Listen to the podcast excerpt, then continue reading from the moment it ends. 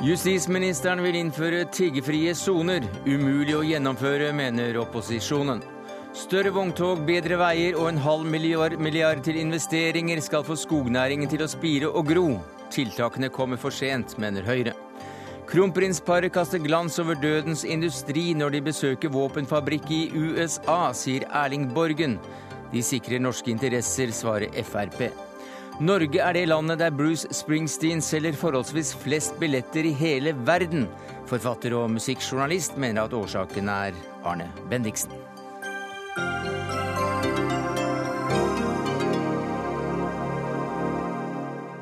Ja, Det er noen av sakene i Dagsnytt 18 denne mandagen, der vi også fanger opp reaksjoner i Bangladesh etter brannen i ruinen av klesfabrikken, og vi får høre at verden bør se mot Afrika hva gjelder regelverk for interne flyktninger. Men først til skogbruknæringen, som altså fikk sin tiltakspakke i dag, med bedre veier, større vogntog og en halv milliard til, eh, til litt av hvert. Men hva med cellulosefabrikken på Tofte, landbruksminister Trygve Slagvold Vedum? Det her er en pakke for hele industrien, for hele verdikjeden skog. Og verdikjeden skog eh, omfatter nesten 25 000 mennesker. Og det er veldig mange ulike virksomheter, så det her vil kunne hjelpe for, for, alle, og også for Tofte. Så Tofte er på en eller annen måte reddet med dette? Det, det er det de, her er det en kjøper og, kjøper og selger eventuelt i forbindelse med Tofte. Det vi har lagt fram nå, er en pakke for hele skognæringa, for hele skogindustrien. Og den viktigste vi har fått høre av næringa sjøl, er hva kan dere gjøre på transport? Mm. Kan dere bidra til at vi får transportkostnadene ned? Og Hovedelementet i denne tiltakspakka her er en transportpakke med at vi øker tillatt totalvekt til 60 eh, tonn på vogntog. Det skal vi komme tilbake til, men bare for å mm. avslutte dette med Tofte. Er, den, denne pakka er ikke spesialinnrettet for eh, de arbeidsplassene og den virksomheten i Hurum? Den er spesialinnretta for hele norsk eh, treforedling. og Tofte er en veldig stor transportaktør med nesten 20, over 20% av norsk virke. Så selvfølgelig lettelser på transportkostnader, som er det ene av eh, tre elementer i denne pakka, betyr mye for Tofte. Men også de midla som legges på Innovasjon Norge og Forskningsrådet, vil også kunne ha stor betydning for Tofte på sikt. Større vogntog? Større vogntog er viktig, for dette er en så transporttung næring. Uh, ta et eksempel fra Hedmark, uh, Forestia der. Det ene anlegget der uh, sier at de kan spare 15 millioner kroner årlig med at vi øker tillatt totalvekt til 60 tonn. Fra Derfor, 56. 56. Ja. Og makslengden blir 24 meter. Nå 22. Ja, så, så, det er store vogntog. Ja. og det er klart det er gode argumenter både for og imot, men vi i regjeringa mener at det er så viktig å ta vare på skognæringa, ta vare på den verdikjeden og kunne gi den økt konkurransekraft, at vi da går inn for det. Og derfor også Det går på de... bekostning av sikkerheten på veien, for Trygg Trafikk er ikke begeistret? Nei, men Det er god erfaring med det her fra, fra Sverige. Ja. Der har de det regelverket. Og vi, jo, vi mener at dette kan gjøres på en trygg og forsvarlig måte. Så setter vi av da 160 millioner kroner til transportretta tiltak. Det ene er i forhold til Altså, mer moderne skogsveier, bedre kaier, få virke billigere og mer effektivt ut fra skogen. Og det andre er i forhold til å utbedre flaskehalsene på veinettet, sånn at vi kan eh, få fram større vogntog, større lass, sånn at transportkostnadene inn til industrien blir lavere fra skogen. Hva sier du til alt eh, dette, næringspolitisk talsmann i Høyre, Svein Flåtten? Jeg sier at det det viser, er at man har forsømt å å tenke på rammebetingelsene for denne næringen over eh, mange år. Og så kommer man løpende nå i siste øyeblikk, etter at næringen veldig, veldig lenge har etterspurt bedre rammebetingelser, bl.a. dette med transportbestemmelsene. Så det er aldeles utmerket det som er foreslått, men kommer litt sent, er det det du sier? Det kommer sent, og så er det jo egentlig heller ikke så mye. Altså Jeg ser det står på nettavisene at eh, Norske Skog taper 200 millioner kroner i året på ikke å ha like gode rammebetingelser som man har i Sverige for Eh, treindustrien.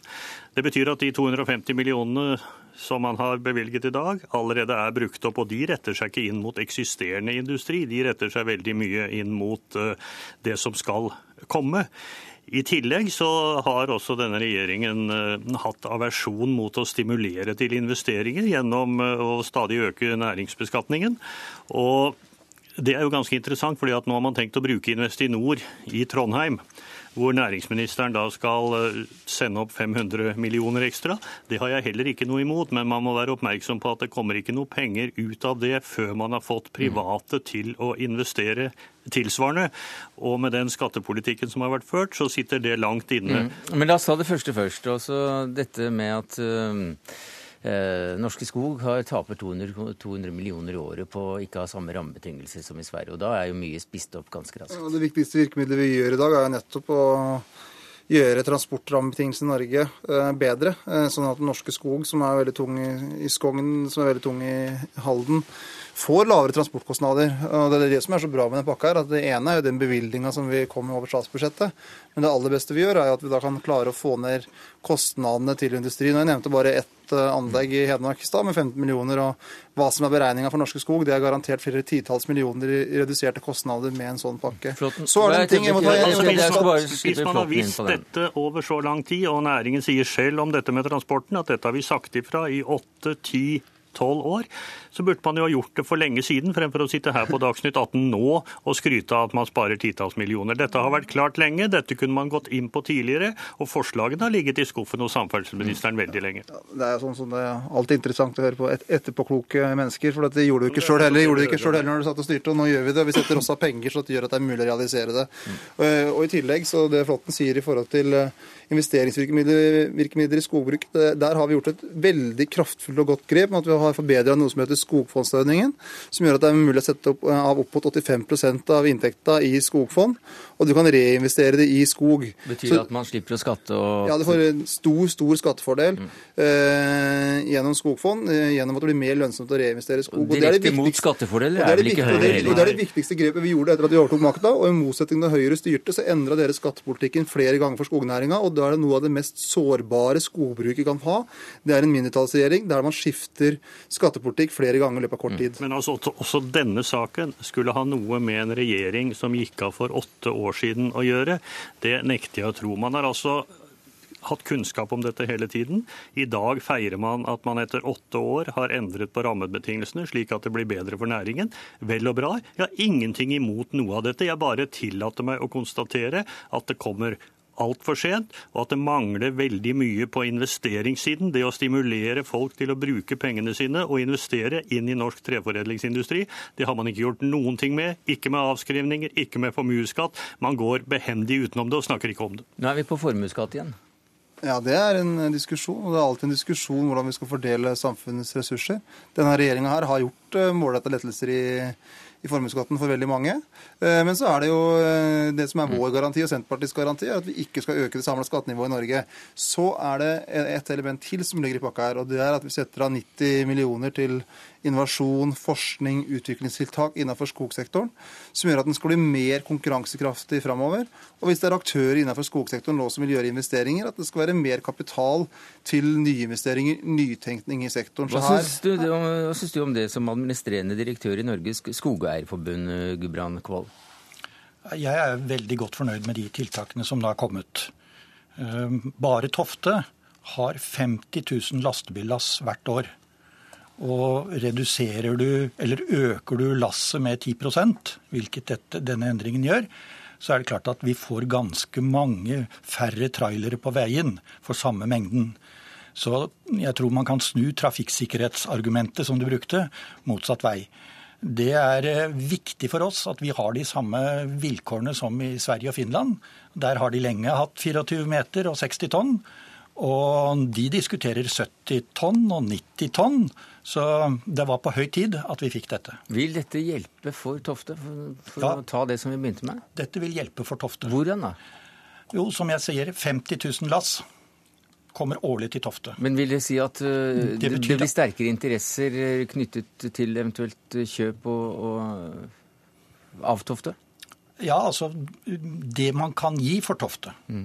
uh, fra mulige kjøpere, det vil være lettere å se at vi kan få lønnsomhet når kostnadene knyttet til å få tømmer inn på tomt blir lavere. Og det vil øke mulighetene for at kjøper og selger kan finne frem til en god løsning. Skogeierne er aldeles eh, mye mer strålende fornøyd enn det Høyre er? Nei, jeg er også fornøyd. Det eneste skogeierne ikke sier, er det de har sagt hele tiden. At de eh, har ventet veldig, veldig lenge på dette. Og det er helt sikkert riktig som Gudbrand Kvål sier, at nå er han fornøyd når det er kommet. Men, Men Slagsvold Vedum har vel et poeng når han sier at de ventet vel også da Høyre satt i regjering?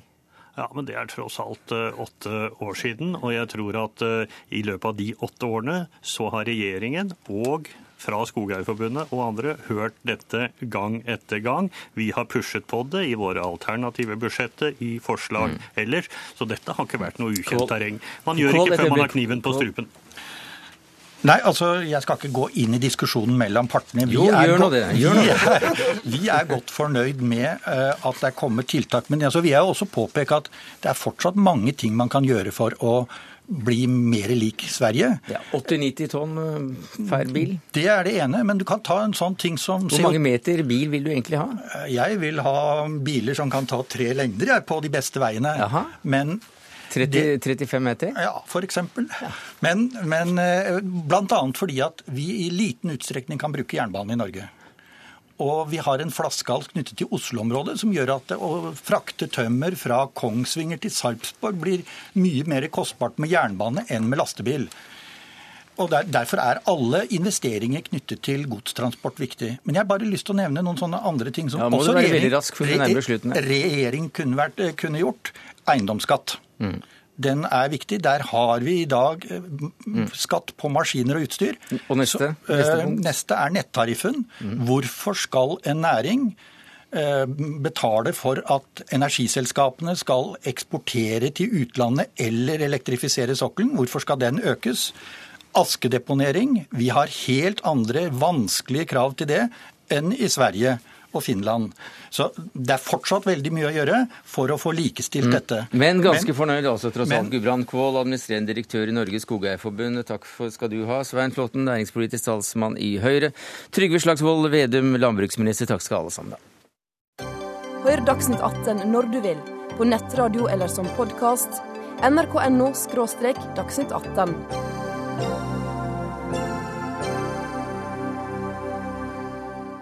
Folk flykter fra gård og grunn. De flykter hals over hode, og de fleste blir flyktninger faktisk i eget land. Toril Brekke, du er konstituert generalsekretær i Flyktninghjelpen, og du la fram den globale oversikten over dette fenomenet tidligere i dag. Hvordan er, eller hva er situasjonen? Eh, situasjonen er eh, mer dramatisk enn det vi hadde trodd på forhånd når vi laget denne rapporten. Det har vært en eh, nedgang i tallene på internt fordrevne flyktninger i mange år. Og i år så har, viser det seg at tallet er høyere enn det det har vært på nesten 20 år. Og det er jo svært, svært bekymringsfullt. Ja, Dere kaller det i en pressemelding for dramatisk. Ja, det vil vi si. Hvor er det dere ser økningen?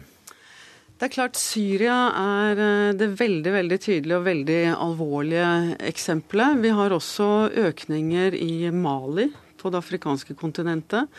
Eh, det er en stor økning i Kongo, ca. 1 million nye interne flyktninger. Og sånn kan vi ramse opp fra land til land eh, rundt omkring i verden. Eh, antallet som returnerer til sine hjem er dessverre ørliten. Og, og som sagt en betydelig økning nå det siste året. Men hvorfor er det viktig å ta opp akkurat denne gruppen? Altså Er ikke en flyktning en flyktning? Eh, det er klart Grunnleggende så er det en svært vanskelig situasjon for eh, både vanlige flyktninger og internflyktninger. Men eh, en, flykt, en, flyktning eller en person som krysser en grense, er beskyttet av internasjonale lover og konvensjoner. Og mottar derfor mer beskyttelse og hjelp, mens en internflyktning ikke har det samme regelverket som støtter dem. Eh, de er også ofte Eller en internflyktning er jo også et resultat av en, en gjerne en borgerkrig, hvor f.eks. regjeringen i landet er en del av konflikten. Eh, og dermed så er disse flyktninggruppene ekstremt utsatt. Men FN har jo eh, egne bestemmelser for dette her? FN har eh, egne bestemmelser, men eh, det er klart eh, når det gjelder internflyktninger, så tikker hele suverenitetsprinsippet inn, som gjør at nasjonalstaten har en overordnet makt. Og det skal veldig mye til at FN kan gå inn og overprøve dette. Så det FN gjør, det er jo å tilby assistanse, og kanskje også drive pådrivervirksomhet i forhold til disse statene. Men grunnleggende så er disse statene nødt til å ordne opp i disse problemene selv, og det er jo ofte der eh, problemet ligger. Men samtidig så skriver dere i pressemeldingen at eh, det er én eh, organisasjon som man bør lytte og, og, og lære av, og det er Den afrikanske union? Ja, denne gangen så er det gledelig å melde at eh, Afrika går foran. Og det er fordi Den afrikanske unionen har utviklet noe som heter eh, Kampala-konvensjonen. Eh, det er da en konvensjon som er signert av 30 av de afrikanske statene, og hvorav 16 av dem nå har ratifisert denne avtalen, som gjør det til en del av sitt lovverk. Og denne avtalen gir da de internt fordrevne beskyttelse på lik linje med den egne, den vanlige befolkningen, og også på mhm. lik linje med internasjonale flyktninger. Men uh, implementeres dette også? Er det, er det et stykke fra lov til handling også i Afrika? Det er et veldig langt stykke fra lov til handling, og denne, denne konvensjonen ble nylig vedtatt, sånn at veien fram er ekstremt lang. og og Det er jo en av de tingene som Flyktninghjelpen jobber med. Det er, vi har inngått en avtale nå med, med AU eh, som bl.a. Eh, innebærer at vi skal bidra med assistanse også på dette feltet i de ulike landene for å gjøre, drive informasjonsarbeid osv. Eh, for å implementere denne konvensjonen. Men vi hører også da til stadighet om problemene i Syria, mens vi hører litt mindre om et atskillig større flyktningproblem, internflyktningproblem, som du nevnte altså dette i Kongo. Hvordan er situasjonen der? Situasjonen i Kongo er eh, dramatisk. Der økte tallet på internflyktninger som sagt med én million uh, Så... det siste året. Aha. Eh, dette skyldes jo en pågående borgerkrigssituasjon som som verden ikke egentlig klarer å løse. Det har vært skrevet utallige fredsavtaler i årenes løp for å få slutt på denne konflikten, men den den eh, fortsetter videre. Og det som er typisk for den konflikten, som også er typisk for mange andre såkalte kroniske kriser, er jo at det ikke bare dreier seg om konflikt, men det utvikler seg også til å bli et spørsmål om bandekrig, om kriminalitet, om tilgang til ressurser, som gjør at dette er ytterligere vanskelig å gjøre noe med. Og det er jo stikkord for Colombia. Det er stikkord for Colombia. Og det er, det er også det landet som kanskje overraskende for mange har flest. Colombia har nærmere fem millioner internflyktninger. Det er, eh, det er eh, det største antallet i verden. Der er det jo heldigvis nå en eh, fredsforhandlingssituasjon som pågår. Eh, man håper at det kanskje kan bidra til at, eh, at, antallet går ned i løpet av de kommende årene hvis avtalen undertegnes. Men eh, på samme måte som i Mexico og andre land i den delen av Sør-Amerika, så, så, er det fare for at bandekriger og kriminalitet fortsetter å skape en flyktningsituasjon. Takk skal du ha for denne orienteringen, Toril Brekke, konstituert generalsekretær i Flyktninghjelpen.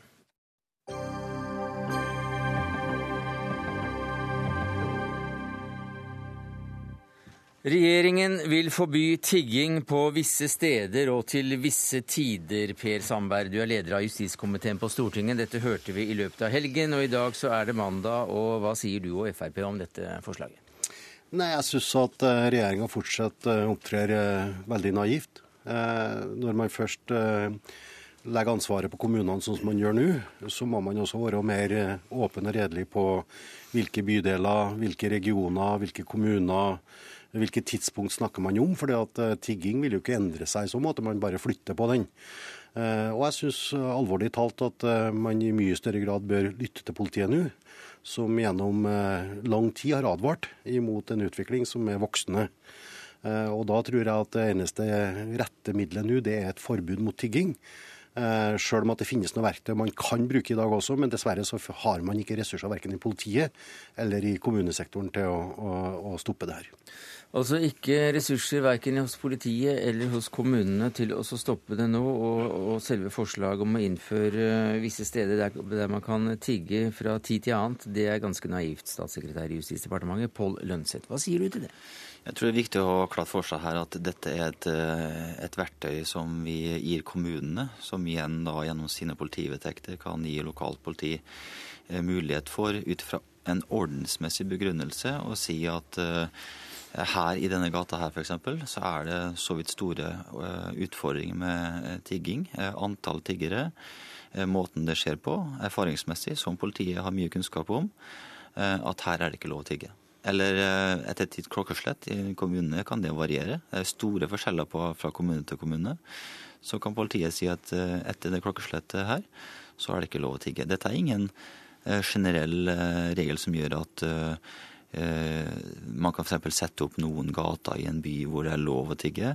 Dette er en ordensmessig begrunna virkemiddel Eh, som utvider den muligheten politiet allerede har i dag, ut ifra konkret å si at du som sitter her, du kan ikke tigge her fordi du medfører en ordensmessig forstyrrelse.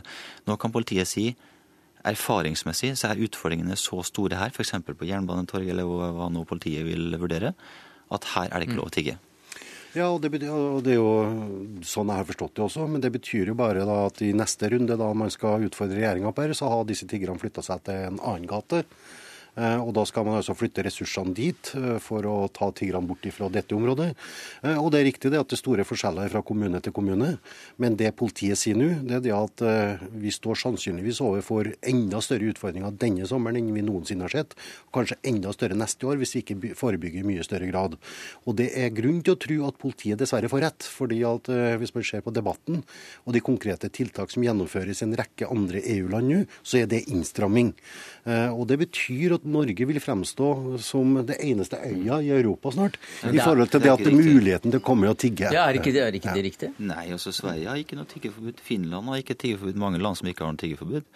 Og i Sverige så har de, eh, har de uh, foretatt noen virkemidler som på en måte bedrer de sanitære forholdene. Det er ingen, uh, ingen massiv innvandring av romfolk og tiggere til, til Sverige. Men, men, men, men, jeg tror vi skal huske på at vi lever i en tid hvor det er stor eh, sosial uro i Europa. Det er mange som mm. har fått det vanskeligere. Og vi er en, eh, et unntak fra det. Uh, og Det er klart at det medfører også noen utfordringer.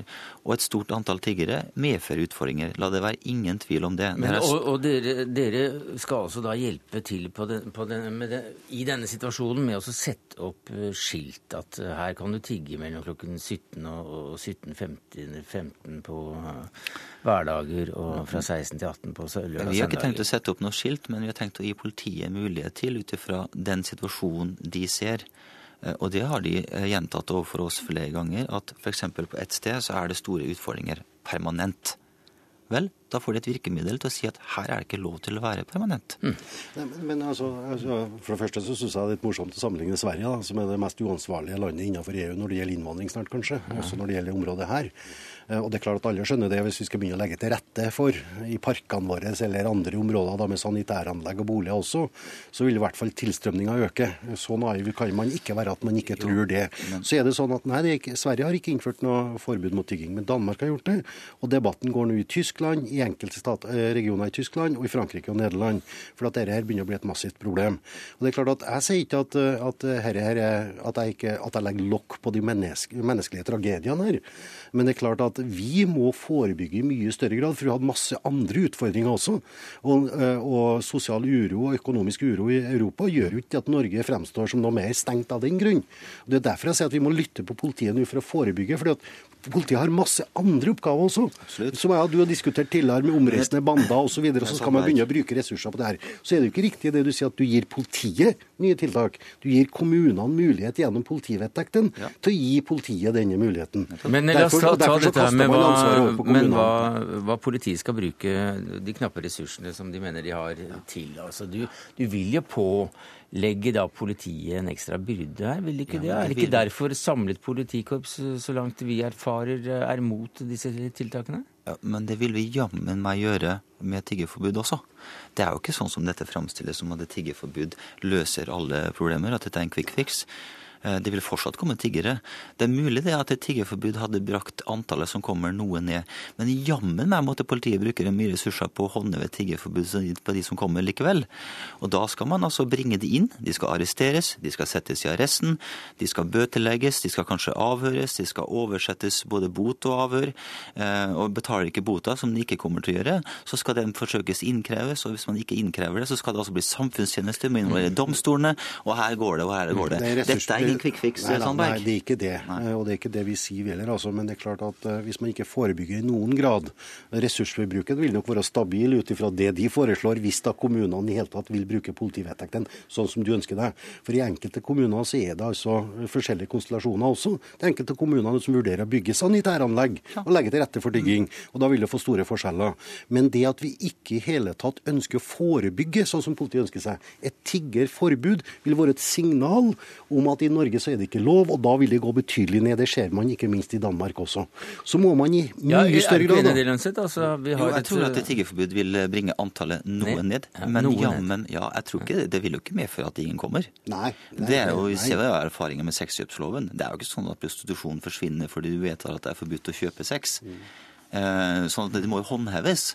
Og det krever store ressurser. Sandberg. Jo, men, ikke, men det, altså, må, må, Sier du at det forslaget deres ikke krever ressurser? Nei, det krever ressurser. Men det krever et forbud også. Det krever enda mer ressurser, for da må Nei. politiet flytte seg fra gate til gate, region til region, tidspunkt ja, til tidspunkt. De, hva skal de gjøre med et forbud da, Sandberg? Skal de påvirke alle sammen som kommer? Da, da er det permanent. De... I en periode nå så vil det eh, gå med veldig mye ressurser for å stoppe utviklinga.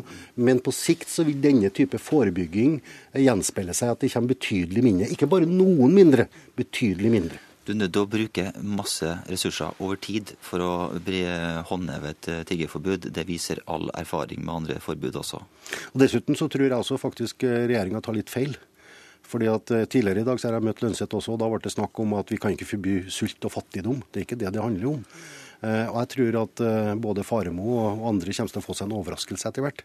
Eh, for jeg tror faktisk ikke at det er bare sult og fattigdom som driver disse tiggerne til Norge. Men det er, det er en litt annen skål. Men la oss, ta, la oss ta et eh, annet, eh, et annet virkemiddel her. For vi leste i Aftenposten her at minister Farmo sier til avisen i dag at kommunene kan søke om midler mm. for å få i stand nettopp det du nevnte, nemlig tiltak som kan gjøre livet litt mer levelig for tiggerne, og da særlig romfolket er det vi snakk om. Hva er det dette går ut på? Vi eh, tar sikte på å etablere nå eh, raskt en tilskuddsordning som gjør at kommunene kan søke eh, tilskudd for å bedre sanitære, sanitære forhold. Det er det først og fremst det vi tenker på. Mhm. Sanitære forhold. Og det vil vi gjøre fordi vi så at situasjonen i fjor, og som vi til dels ser nå, den går mot det veldig uverdige. Og jeg tror det også vil hjelpe på situasjonen i forhold til nabolag. Det er all mulig grunn til å ta på alvor det nabolagene sier på at dette er en utfordring lokalt. Eh, og i noen kommunene, nettopp fordi det er store kommunale forskjeller, må vurdere om eh, det er hensiktsmessig med slike sanitære tiltak. Ja, men, men, Det er jo noe man har forsøkt eh, nedover Europa i lang tid. Og Resultatet blir store ansamlinger og store leirer av tiggere. Eller flyktninger. Eh, jo da. Hvis du Tror du virkelig at det kommer titusener hit for Nei, altså, å benytte seg av sanitære forhold? De kommer ikke hit for å få et do. Så, hvor mange, nei, men hvis du legger til rette for det, så vil det tiltrekke seg flere. flere fordi det vil være et signal fra Norge mm. om at uh, vi legger til rette for det. Hvis du kommer til Norge og tigger, da får du sanitæranlegg. Og hva blir da det neste? Det blir bolig. Uh, og så skal man ha tilgang til norske velferdsordninger. Dette er på seg hele veien. Det er bare, signal, bare signalet man gir men at man skal legge til rette for at flere tiggere skal komme til Norge, vil være et signal om at det kommer flere. Det har altså ikke Sverige opplevd? Nei, Sverige. Og, og, I Sverige så var det vel 4000 eller 5000 var det i Stockholm i fjor, tiggere. I, I, Oslo, eller i Norge så opererer man med at kanskje var det 2000 tiggere i, i, i Oslo i fjor. Vi konstaterer i hvert fall at, at Oslo kommune ved, ved, byrådslederen takker nei til et eh, slikt tilskudd og kommer ikke til å søke. Men takk skal du ha, Pål Lønseth, statssekretær i Justisdepartementet, Per Sandberg, leder i justiskomiteen på Stortinget for Frp.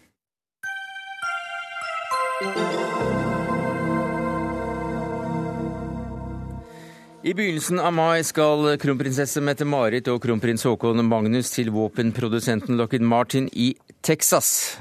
Det er jo der de norske F-35 skal produseres, og der vi altså skal legge igjen 60 milliarder kroner pluss pluss. Og det besøket det er ikke du så begeistret for, eh, filmskaper og journalist Erling Borgen. Hvorfor ikke det?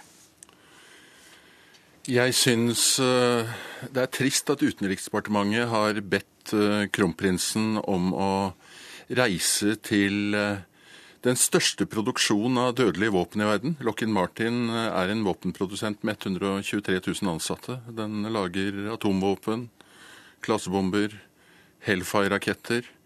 Og det norske oljefondet eh, får ikke lov til å investere i den bedriften fordi den blir sett på som uetisk.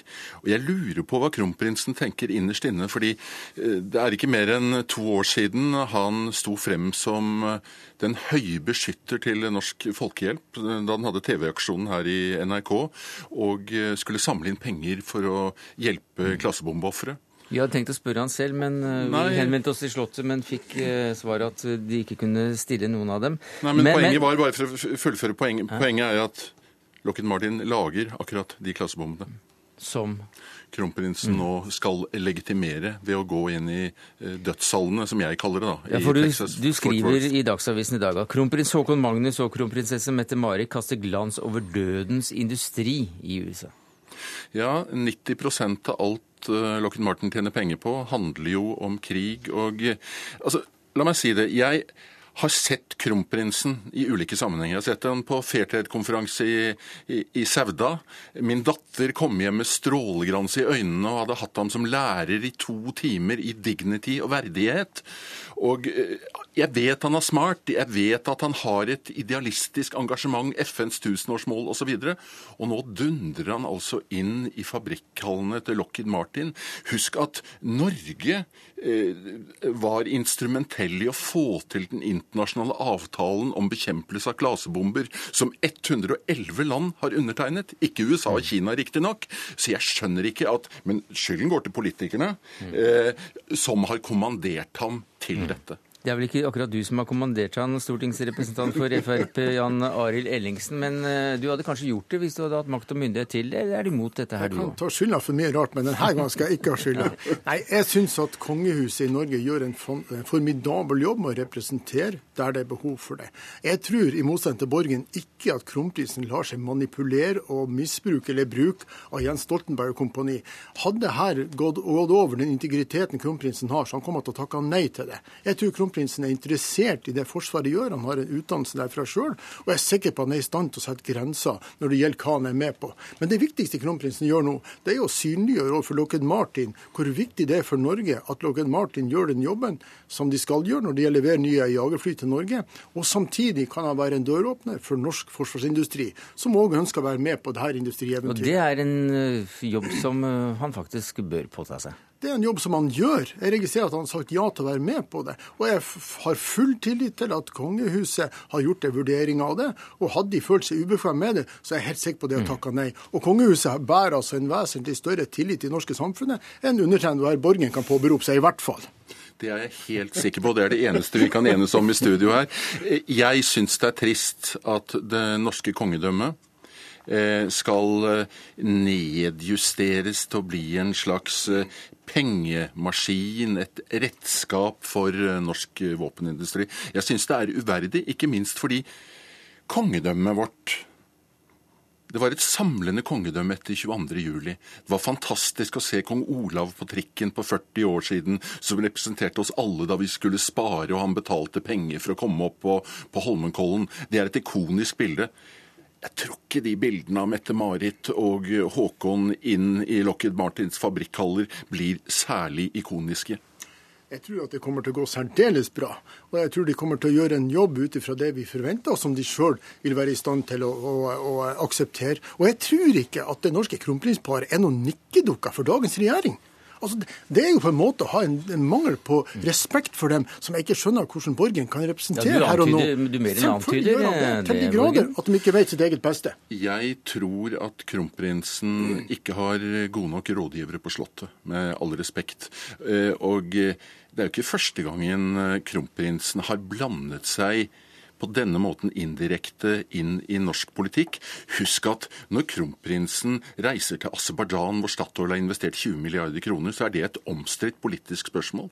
Dette er et omstridt politisk spørsmål om eh, jagerflyene våre. Og jeg tenker at kronprinsen egentlig heretter burde invitere eh, sentrale representanter for norske menneskerettighetsorganisasjoner, f.eks. Egenes i Amnesty International, mm. f.eks. Maria Dale i Menneskerettighetshuset, og si du, hva syns du jeg skal gjøre med, med, med menneskerettighetene på min, mitt neste besøk? For er det én ting jeg er helt sikker på, er det at klasebomber og menneskerettigheter kommer ikke til å stå særlig sentralt under lunsjen i, i Lockheed Martins eh, lunsjkontorer mm. den 7. mai. Hedvig Skånhoft eh, Johannessen, du jobber ved Høgskolen i Oslo og Akershus.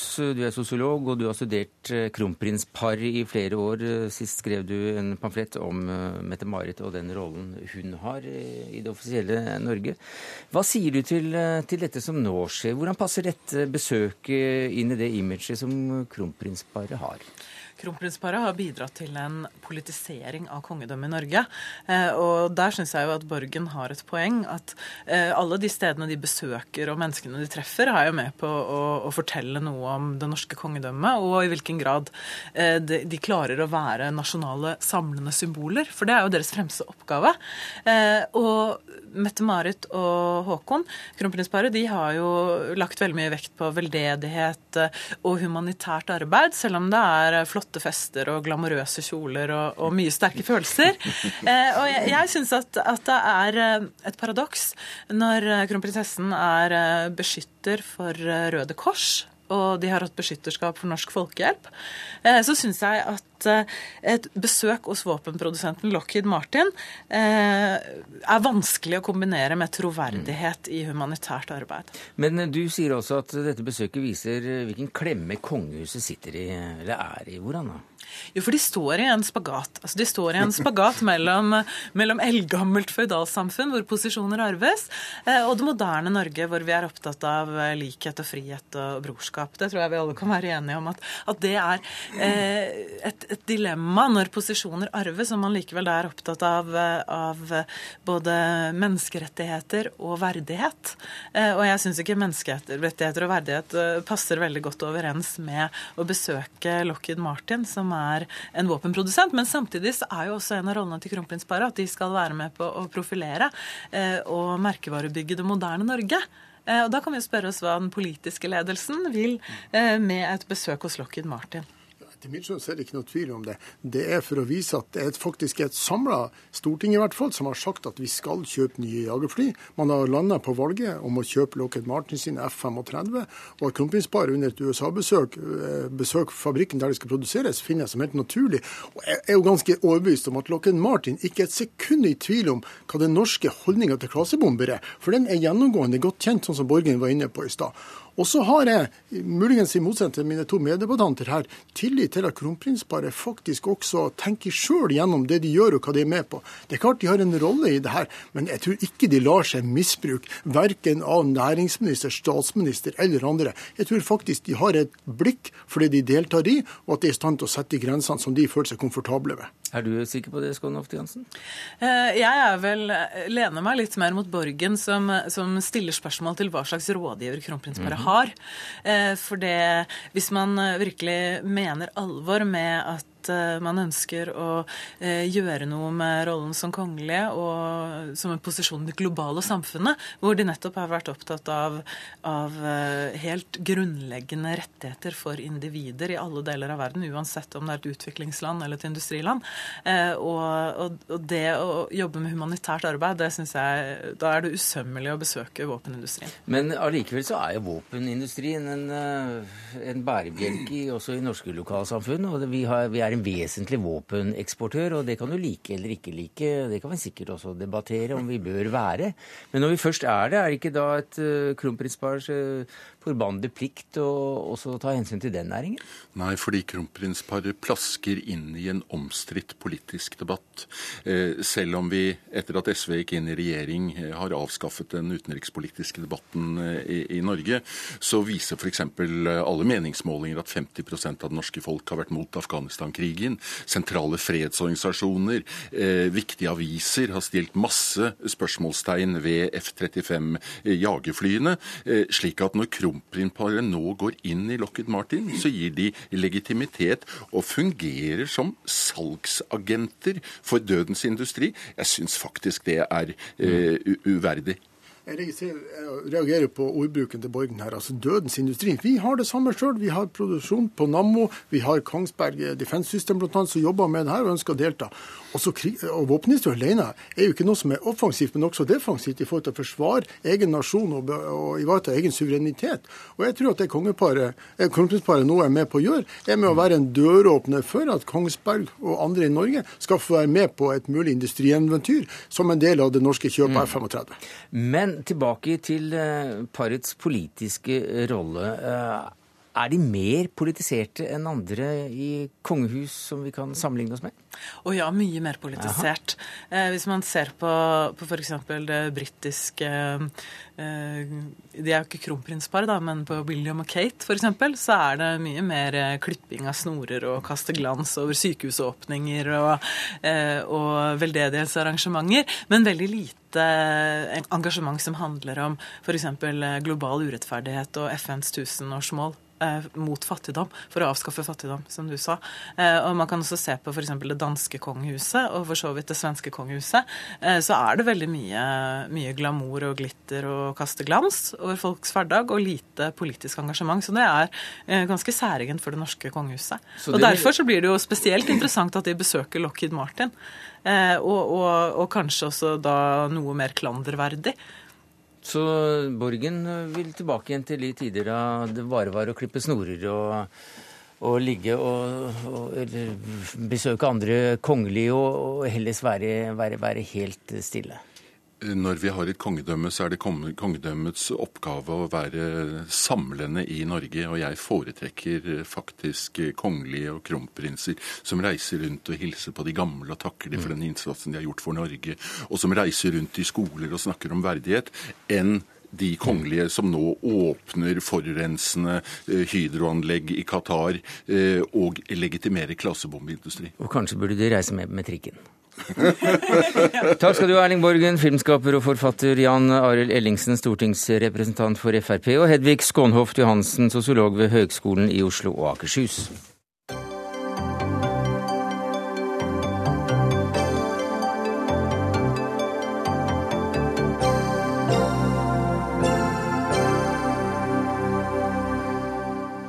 Ingen andre steder i verden selger Bruce Springsteen så mange konsertbilletter som i Norge da i forhold til eh, folketallet. I dag spiller The Boss den første av to utsolgte konserter på Telenor Arena.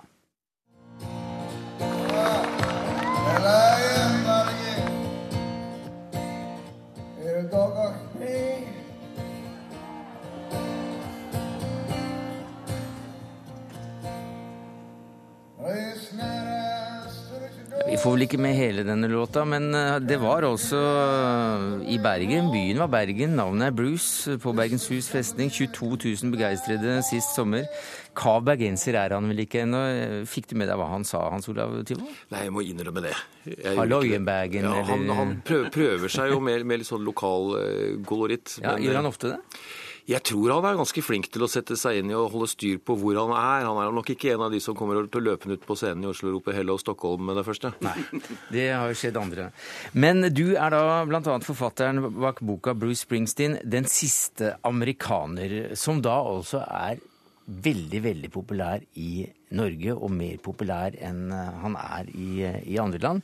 Eh, vel USA inkludert. Og hvorfor er det slik? Hvis du tar USA, så er forklaringen mye at i USA er han blitt en såpass politisk figur at det fins masse amerikanere som aldri ville finne på å kjøpe en Springsteen-plate uansett hvor mye de likte musikken, rett og slett fordi de ser på ham som en eh, rabiat kommunist. Mm. Men hvorfor er han da så enormt populær i Norge? Fordi at i Norge så er en rabiat kommunist en standard sosialdemokrat. Ja, Men jeg hørte deg i Kulturnytt eh, komme med en, i dag komme med en annen forklaring. Hvilken tenker du på? Nei, Jeg tenkte at uh, den norske Springsteen-dyrkingen den hadde røtter tilbake til en uh, legende innenfor norsk showbiz og ikke minst plateindustri. Arne Bendiksen. Eh, og det skyldes jo at på, på 60-tallet så hadde man noe som foraktelig ble kalt for husmorpop eh, her i landet. Eh, det var Arne Bendiksen blant annet som sto for å gi ut de låtene. De låtene som de hippe og raddisene lo av, og Terje Rypdal sluttet i The Vanguards fordi han ville ikke spille sånn skitmusikk. Det er den musikken som nå altså Neil Young, Bob Dylan, Bruce eh, Springsteen eh, spiller. Og den plata hvor han ga ut disse Seeger Sessions-innspillingene, den solgte flere eksemplarer i Norge enn i England. Altså ikke pro capita, men flere antall ja. i Norge enn i, i England. Så han har klart eh, på sine godt voksne dager å, å gire opp i Skandinavia, mens han kanskje i resten av verden er litt mindre populær enn det han var for, eh, for 20 år siden. Hva er din forklaring på dette fenomenet musikkritiker Asbjørn Slettemark? Det er forskjellige grunner til at Bruce Springsteen er så stor i Norge, men jeg tror de viktigste er at, litt sånn som Hans Olav peker på, at han, mens han i USA kanskje framstår som en politisk artist, så framstår han i Norge mest av alt som en sånn typisk arbeiderklassekar. En sånn, mest av alt en jovial eh, artist. En artist som er glad i publikummet sitt, og, og som, som gir publikums kjærlighet eh, tilbake. Ja, for det um, gjør han jo. Ja, og da har vi jo sett det flere ganger. altså Måten han eh, tar seg noen ekstra fridager i Norge på, og måten han stilte opp på en veldig sånn ydmyk, forsiktig måte på 22. juli-markeringen i fjor. Og, men så i tillegg så er det jo dette at Norge Eh, eller Skandinavia generelt, men Norge spesielt, seiler jo opp som et av de mest attraktive Eh, konsertområdene i Europa, kanskje i verden. Altså, Vi har så masse penger at vi ikke vet hvor vi skal gjøre av dem. Vi betaler glatt 1000 spenn for å se hvem som helst som stiller seg opp på en scene, omtrent. Og, og da tror jeg, da så vi òg på Justin Bieber, som solgte jo radikalt mye flere billetter i Norge enn eh, en alle andre plasser i, eh, i Europa. Da. Så, og, og, det, så, så, jeg tror sånn Samla sett her så er det, har utvikla seg et sånt tillitsforhold, et kjærlighetsforhold mellom Bruce Springsteen og publikum som gjør at når han kommer, så stiller vi opp. Ja, for Du skrev eh, sammen med en kollega i Dagbladet en, en kronikk i forbindelse med Bieber-hysteriet mm. at det er typisk norsk å, å være helt ko-ko. Ja. Altså, jeg, jeg, tror Norge er et såpass lite land at det er lett å få mm. alle med på entusiasmen her. Og det er lett å få noe til å bli en slags nasjonal begivenhet. sånn som Eh, spesielt for eh, når artister spiller på Valhovin om sommeren, enten det er Bruce Springsteen eller Prince eller Madonna, så er det, dominerer det nyhetsbildet. Eh, det dominerer både liksom det seriøse nyhetsbildet og kjendisnyhetsbildet. Og folk kommer fra absolutt alle fylker i Norge for å være med på den folkefesten mm. som er i eh, sentrum. Så jeg, jeg, tror nok at Norge er et lett land å, å få med på moroa. Og så er det det at hvis du først blir stor i Norge, så blir du så fryktelig mye større enn du kan bli noe annet sted. Altså Hvis du blir en kjempesuksess i Norge, så mm. når du en større prosentandel av befolkninga med platesalget ditt enn f.eks. i Sverige. Altså, vi, vi, vi, når vi først tar av, så tar vi av så til de grader. Ja, og så er det jo et eller annet med at eh, nordmenn liker jo veldig godt å bli lagt merke til. Sånn som vi så f.eks. med Justin Bieber, men òg med f.eks. når eh, når Bruce Springsteen takker det norske publikummet for at vi var de som kjøpte flest Siga Sessions-plater av alle, så er det jo det er klart at den norske folkesjelen tenker jøss, en av verdens største artister. La merke til oss, fire millioner langt opp i nord, opp med, opp med Nordpolen. Sånn. Vi, får, vi, blir liksom beæra av at artister liker oss. Sånn. Det er rørende. Ja, det er veldig rørende. Men eh, alle liker jo denne mannen. Og, og, og, da er det jo rart at alle liker han. da. Altså Når regjeringen, nesten en samlet regjering, liker han. Altså Vi har jo lest intervjuer med Grete Faremo, Jens Stoltenberg, Sigbjørn Johnsen, som digger han. Ja, grunnleggende sett. For de, det blir fort litt mye forklaringer rundt Springsteen. Mm. Men grunnleggende og det som ligger i bånn, er at han er en fabelaktig artist som mm. skriver eh, flotte låter, lager eh, fine album og gir helt utrolige konserter. Hadde ikke det vært der, så kunne han jo prøvd alt mulig på, på, på å gjøre seg interessant. Men i bunn og grunn så er det det at musikken holder. Ja, for vi snakker om en artist som har vært stor helt siden eh, Ja, altså I Norge så har han vel vært stor siden sent 70-tall. 78 var første året han kom inn på VG-lista her, men gjennombrudd i Norge kom først i 1980. For det morsomme er jo at de første skivene hans ble jo ikke gitt ut her i det hele tatt. Mm. Man, man så at nei, det fins ikke noe marked for en sånn artist i Norge. han har vel også fornyet seg? Han har fornyet seg, og den siste plata hans er eh, mye, mye krassere enn noe av det han har gjort eh, tidligere. Og han har klart å komme opp med en sånn merkelig hybrid mellom eh, amerikansk folkemusikk, og så hiver han inn et New Orleans-blåserekke på det, og så er det litt rock'n'roll i bånn. Og mye store doser med irsk innflytelse, og til sammen så har han da kommet opp med et savn på sine eldre dager som han er nokså aleine om. Men han eh, er altså ikke bare likt eh, på nettet, så er det, så er det mange sånne hate-blogger eh, rundt det, og ikke bare pga. politikken. Hvordan blir han sett på innad i bransjen? Innad i bransjen så, så er han i ferd med å bli det sånn big, grand old statesman. Og han har, har en voldsom innflytelse på, på folk som er betraktelig yngre enn meg. Altså Du kan si at veldig mange av de bandene som har debutert på 2000-tallet og blitt litt store på 2000-tallet, Gaslight Anthem er jo naturlig å, å, å nevne, der har han en mye større innflytelse enn, enn han hadde ti år tidligere og ti år etterpå. Så det har noe med hvilken alder man er i. De folka som var 10-11-12-13 år gamle da Born in the USA-fenomenet herjet, de er nok merket for livet, ja. Vi eh, prøvde også å få dere til å komme litt eh, senere i Dagsnytt 18 i dag, Slettemark, men, men det gikk ikke. Nei, jeg, eh, jeg har sykkelen stående utenfor her og skal beine ut til Telenor Arena for å anmelde konserten for P3 til i, til i morgen tidlig. Takk for at du kom til Dagsnytt 18 eh, i hvert fall. Asbjørn Slettemark, musikkritiker og ansatt eller en kollega her i NRK. Hans Olav Tyvold, forfatter av Bruce Springsteen, 'Den siste amerikaner', og programleder i rockekanalen i Oslo Rocks.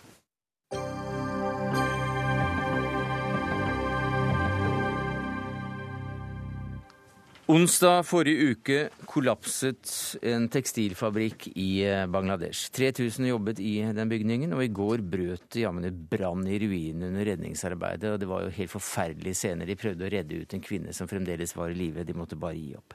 Tallet på omkomne er 379 til nå.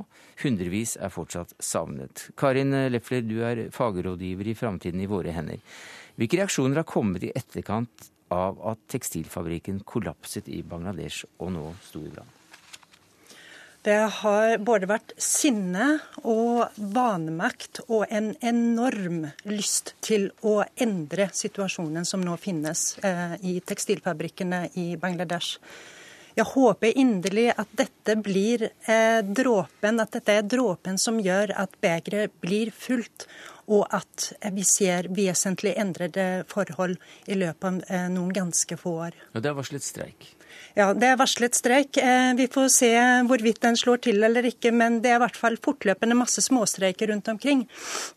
Som politiet slår ned på nokså hardt med batanger og med, med vannspruter. Eh, Vi får se om folk klarer å mobilisere seg på bakken, eller om man dukker under for dette presset. Men i hvert fall et enormt sinne der ute. Hanne Cecilie eh, Geirbo, du er stipendiat ved Universitetet i Oslo. Du kjenner Bangladesh-forholdene svært eh, godt. Eh, Er det myndighetenes svar på dette, å forby å slå ned på streiker? Altså, ja, Myndighetene har jo også da nylig da, fengslet to fabrikkeiere og to kommunale ingeniører, og har nå også arrestert eieren av, av dette bygget. da. Men eh, altså, denne, denne tragedien går jo også inn i, eh, i denne altså Det er valgår, eller si, regjerings, eh, er regjeringsperioden går mot slutten nå i 2013. Og, og denne konflikten blir også brukt da i en, i en kamp om, om velgerne, så det blir også politisert her. da. Så opposisjonen ser nå sitt snitt til å, å komme på banen? Ja, det, de gjør det. Eh, den andre, altså det er jo, Bangladesh er preget av sånne politiske generalstreiker som kalles for hortaler. og Det, vil si, altså det er sånne dagslange generalstreiker hvor da transporten bl.a. lammes. da. Og nå har jo da eh, opposisjonspartiet BNP de har annonsert en slik eh, for 2. mai, og for da å som de sier, protestere mot det de mener er regjeringens dårlige håndtering av redningsarbeidet. Men dette er jo også da del av et politisk spill da, for, å, for å Mm. vinne velgere. Nei, for Samtidig så, så sier du at tekstilfabrikkeierne i Bangladesh er under press. Og at det Ja. kan ha hatt innflytelse på, på konsekvensene, eller fått konsekvenser for sikkerheten. Mm. Hvordan da? Ja, altså nå I 2013 så har det vært svært store uroligheter i, i Bangladesh i forbindelse med et krigsforbrytertribunal som, som pågår. Og, eh, og, det er omtrent ukentlig slike hortaller, altså slike politiske generalstreiker, som da lammer eh, næringslivet i, eh, i, Bangladesh på mange måter. Det er så slik Under en hortdal så da, blir da transporten altså Hvis man da prøver å komme seg ut på en buss eller kjøre bil eller slikt, så, så er det da aktivister ute i gatene som da gjerne ja, setter fyr på biler osv. Altså det, er, det er veldig vanskelig å drive noe næringsvirksomhet i Bangladesh under slike forhold. og, og Derfor får klesbransjen veldig store problemer med å møte sine leveranser. Da. Og annet bare det der å få levert eh, klærne til havna og få lastet dem om bord på, på skip osv. Og, så og dermed så øker ja. presset for å bli fort ferdig ja. fram til neste Hva var det du kalte Neste, altså det Hortdal kalles disse generalstreikene. Ja. Så, ja, så Det kan nok være at det også fører til økte overgrep mot arbeiderne. denne Men hva slags konsekvenser kan det få for eh, tekstilbransjen i Bangladesh dersom myndighetene ikke bedrer forholdene? Altså jeg tenker For det første eh, så vil eh, troverdighet blir undergravd hvis de fortsetter å produsere dette landet. Dette betyr ikke at kleskjennene skal rømme landet. Tvert imot. De skal bli igjen, og de skal gjøre sitt absolutt beste for at forholdene blir bedre. Det vil være i, i tekstilkjedenes eller kleskjedenes egen interesse. Fordi de vil få et bedre rykte på seg, og de vil få mer stabile leveranser. Eh, og i det hele tatt skape et bedre klima for arbeiderne. Og helt sentralt i denne sammenhengen så står jo retten til å organisere seg. I dag er 1% av tekstilarbeiderne i Bangladesh organisert. Og det sier seg selv at det er svært vanskelig å si ifra eh, om f.eks. sprekker i veggene, om eh, livsfarlige eh, brannutganger osv. når man faktisk ikke har noen å henvende seg til. Og Det er derfor en av de viktigste strakstiltakene som kleskjedene kan gjøre i dag, det er å skrive under avtalen om brannsikkerhet og det å sikre eh, fabrikksbygninger. Eh, vi har igjen, eh, nå i over halvannet år eh, prøvd å få store kleskjeder til å skrive under den avtalen, men bl.a. Hennes og Maurits har ikke vist noe særlig interesse Nei, for dette. Og De er ikke her i dag, men det er du, Bror Stende. Du er direktør for eh, Virke mote og fritid, og så representerer en del av klesbransjen eh, her i landet. Hva sier du til dette omdømmetapet? Først og fremst som da selvfølgelig kommer inn som en sideeffekt av uh, tragedien i Bangladesh? Ja, nå har man jo ofte en tendens til å bruke noen eh, store eh, aktørers navn i enhver, i enhver hendelse. Nå er dette en forferdelig tragisk hendelse for hele tekstilbransjen. Det er klart det blir omdømmetap, men det blir også litt urettferdig når de som kanskje gjør mest for arbeiderne, blir hengt ut i enhver kritisk reportasje om mm. tekstilindustrien.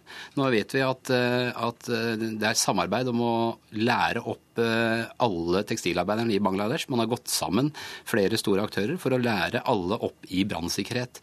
Så det er klart at de gjør jo hva de kan innenfor de rammene man har. Men når vi hører også om den politiske uroen og hvor vanskelig det er å drive dette landet, så, så er det en stor utfordring å komme i mål. Men eh, hvordan snakker dere, eller hvordan går diskusjonene i det miljøet du er en del av, om hvilket eh, samfunnsansvar som klesbransjen f.eks. i Norge har i land som, eh, som Bangladesh? Ja, Bangladesh øker eh, importen fra Bangladesh. for Det er et land... Det er 10 ca. i dag. Ja, mm. altså, ja, og Bangladesh er et land som har altså hele 80% av økonomien er avhengig av tekstilindustri. Men hvilket samfunnsansvar er det dere selv mener at dere har i, i slike produ, produ, produsentland?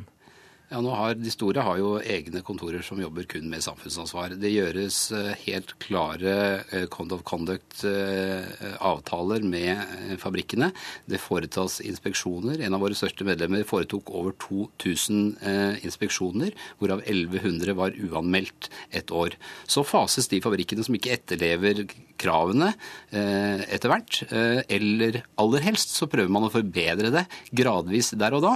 Og målet er jo å få alle alle opp på et akseptabelt nivå, og ikke sjalte mm. noen ut. For det er klart det beste vi kan gjøre, er å produsere disse utviklingslandene, slik at eh, særlig kvinnene, som faktisk har, har fått eh, større frihet gjennom å få arbeid i tekstilfabrikkene, og har en bedre hverdag. Men når det gjelder slike forhold som vi nå er vitne til i Bangladesh, med dette huset som kollapset, som da også er en stor tragedie, eh, er det da slike forhold som også norske produsenter eh, får laget eh, sine klær under, slik du ser det?